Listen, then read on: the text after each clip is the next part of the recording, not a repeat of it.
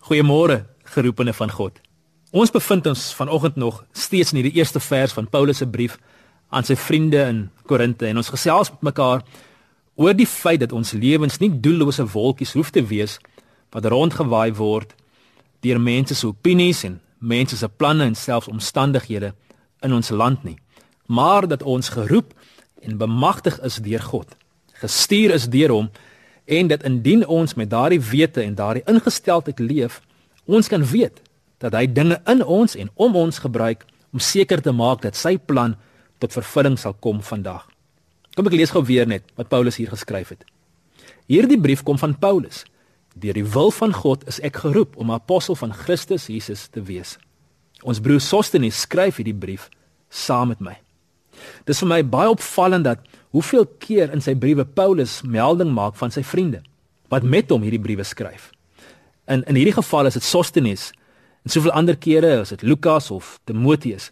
En en die punt is dat hierdie dinamiese leier wat soveel mense se lewens verander het, nie net in sy eie lewenstyd nie, maar ver verby sy eie geslag, dat hierdie man wat met soveel passie geleef het en geweet het dat hy geroep was deur die Here, dat hy omtrent altyd iemand by hom gehad het.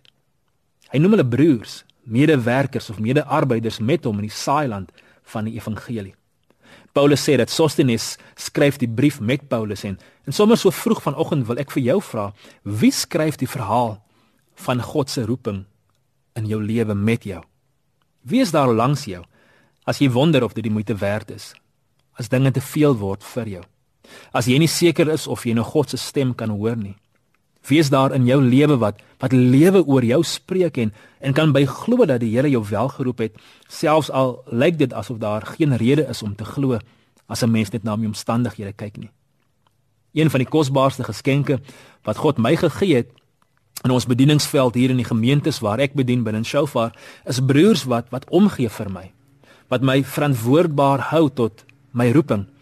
Sommige van hierdie broers ken ek nou al 20 jaar, sommige ken ek 2 jaar. Ons het saam gedroom as studente van hoe ons die evangelie die wêreld gaan inneem, baie jare terug. En nou is ons besig om deur Afrika en Europa en Suid-Amerika te reis en te sien hoe daardie drome en daardie visies bewaarheid word. Maar ons ken die ander kant ook. Ons weet die prys wat betaal word daarvoor. Daar waar min mense kan sien, weet ons hoe maklik dit is om ons oë af te haal van dit wat werklik belangrik is en te vergeet dat ons eerste roeping nie is teenoor die bediening nie, maar as mans teenoor ons vrouens en paas teenoor ons kinders. Nie lank gelede nie, twee vriende vroeg een oggend na my toe gekom toe ek die nodigste gehad het. Hulle hande op my kom lê en vir my gebid. God se krag en leiding en vrede oor my gespreek toe ek dit so nodig gehad het. Ek begeer en bid dieselfde vir jou. Hemelse Vader, ek bid vir ons elkeen dat U ons lewens en ons harte sal saamsnoer met medegelowiges om ons in Jesus naam. Amen. Lekker dag. Totsiens.